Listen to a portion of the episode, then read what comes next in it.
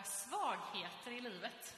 En av mina stora svagheter är att jag har ett fullkomligt uruselt lokalsinne.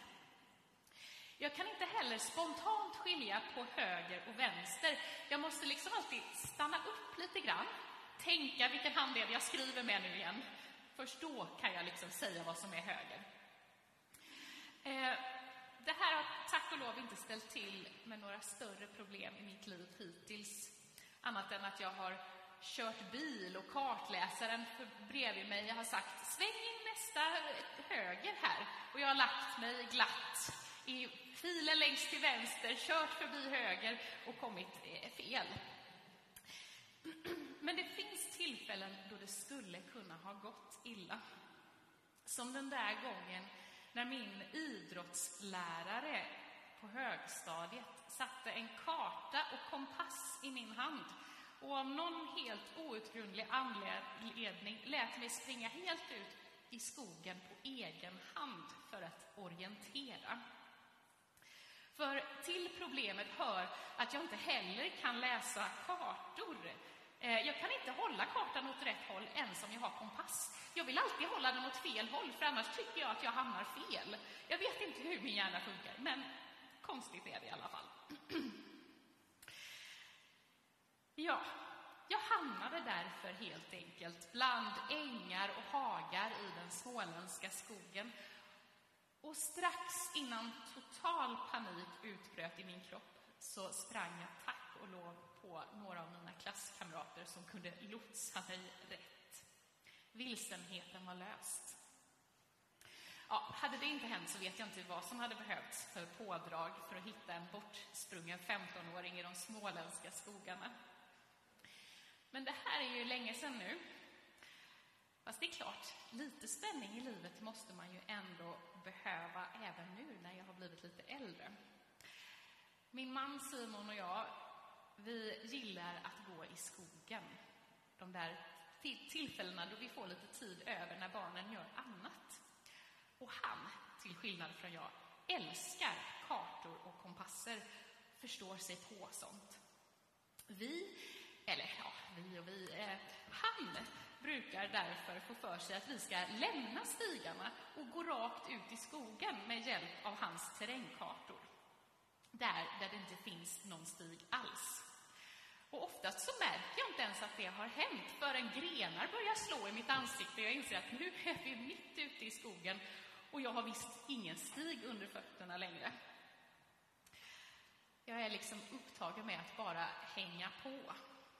Jag vet inte hur många gånger jag har sagt till honom, du får absolut inte lämna mig nu, för att då är jag helt borta. Verkligen helt borta. Och han brukar då peka och säga, men det är ingen fara, stigen är ju där borta. Det skulle inte hjälpa. Jag trodde, inte, han, han var inte riktigt med på att jag skulle kunna gå i cirklar i den här skogen, runt, runt, runt och tro att jag kommit till nya platser och inte inse att nej, men jag, är, jag bara går runt. Så att, ja, jag är helt enkelt beroende av att få följa efter honom när vi är där i skogen. Jag kan inte lita på att min egen förmåga och färdighet håller måttet, för det är sedan länge väldigt tydligt och klart att det gör den inte. Så utan Simon så hade jag, om jag hade gått i skogen, bara gått på upptrampade stigar för att det har i alla fall tryggheten i sig att de åtminstone brukar leda någon vart. Och jag hade därmed också missat en skogsgläntas plötsliga öppning där mossan ligger helt orörd av mänsklig hand. Tack gode Gud för att vi är olika, tänker jag. Så har vi evangeliet idag. Efter episoden med Jakob och Johannes och deras önskan om att kalla ner eld från himlen och Jesus kanske något trötta tillrättavisande så får vi också möta tre andra okända personer som Jesus samtalar om på efterföljandets tema. Och deras samtal är ganska korthugget, befallande, ja, ganska kantigt och skavigt om man ska vara ärlig. Den första är ivrig att få följa Jesus vart han än går. Den andra får kallelsen som den brukar låta, följ mig, utan hänsyn till att dennes pappa just har dött. Den tredje vill snart följa Jesus. Han vill bara klara upp saker där hemma, säga hej då till familjen och sånt där. Jesus är inte smidig och enkel mot någon i, eh, i svaret. Den första får veta att Jesus är hemlös, som liksom en utmaning. Klarar du rotlösheten, den totala brist på trygghet? Den andra får höra att kulturella plikter, såsom begravningar och sorg, allt detta kan komma att behöva ifrågasättas. Och den tredje får liksom veta att det går inte att plöja baklänges. Det går inte att se sig tillbaka, bara framåt. Liksom allt eller inget. Och kanske är det så att den där utmaningen eller rent av hårdheten i Jesus kan tolkas som att han liksom säger att det finns vissa saker i livet som man bara måste ta sig igenom. Kan det vara så att Jesus pressar på för att ge styrka? Så att vi är förberedda när trycket kommer. För det brukar ju komma från livet. Allt kan inte undvikas. Det vore att fly. Ibland måste man gå rakt igenom det allra svåraste, det allra mörkaste, för livets skull. För det är det viktiga. Ingen enda uppoffring, omändring, utmaning, inget lidande eller ens död är till för sitt eget hemska skull när det gäller Jesus. Allt handlar om livet, det riktiga livet. Det handlar liksom om att leva nära den person som jag är tänkt att en gång bli. Öva på det. Låtsas vara där redan. Och ibland blir då det till och med outhärdliga nödvändigt. Att följa Jesus handlar inte om att komma undan och bara plocka godbitar eller som lärjungarna kallar ner eld från himlen eller vad det nu är, bara för att man kan. Utan det handlar om att ibland behöva bege sig ut dit man själv aldrig hade vågat eller kunnat gå. Rakt ut i skogen med risken att veta att vi inte längre exakt vet hur vi ska ta oss fram. Kanske hamna vilse, åtminstone bildligt.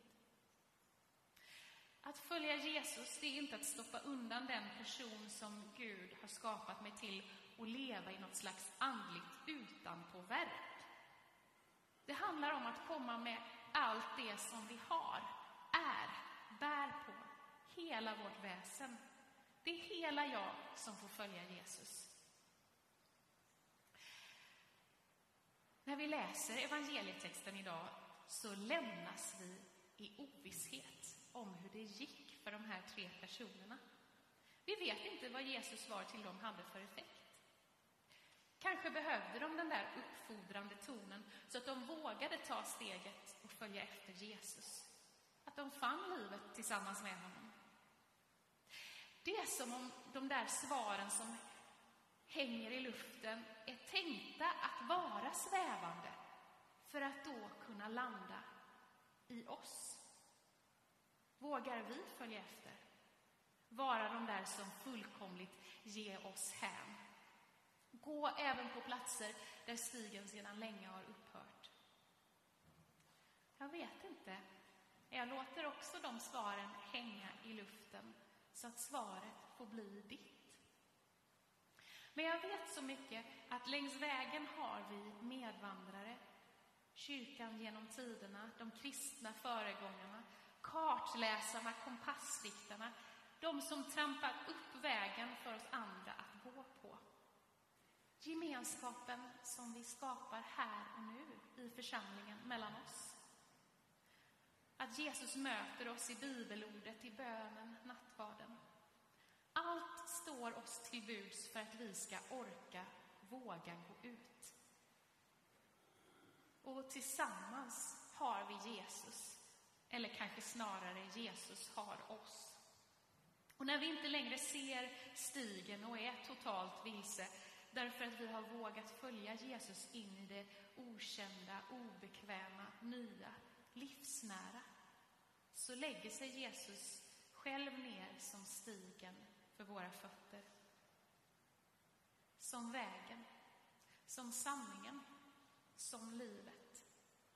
Till dess att vår vilsenhet har lagt sig. För med honom så har vi ändå alltid hittat fram. Låt oss så tillsammans stå upp och stämma in i vår kyrkas tro.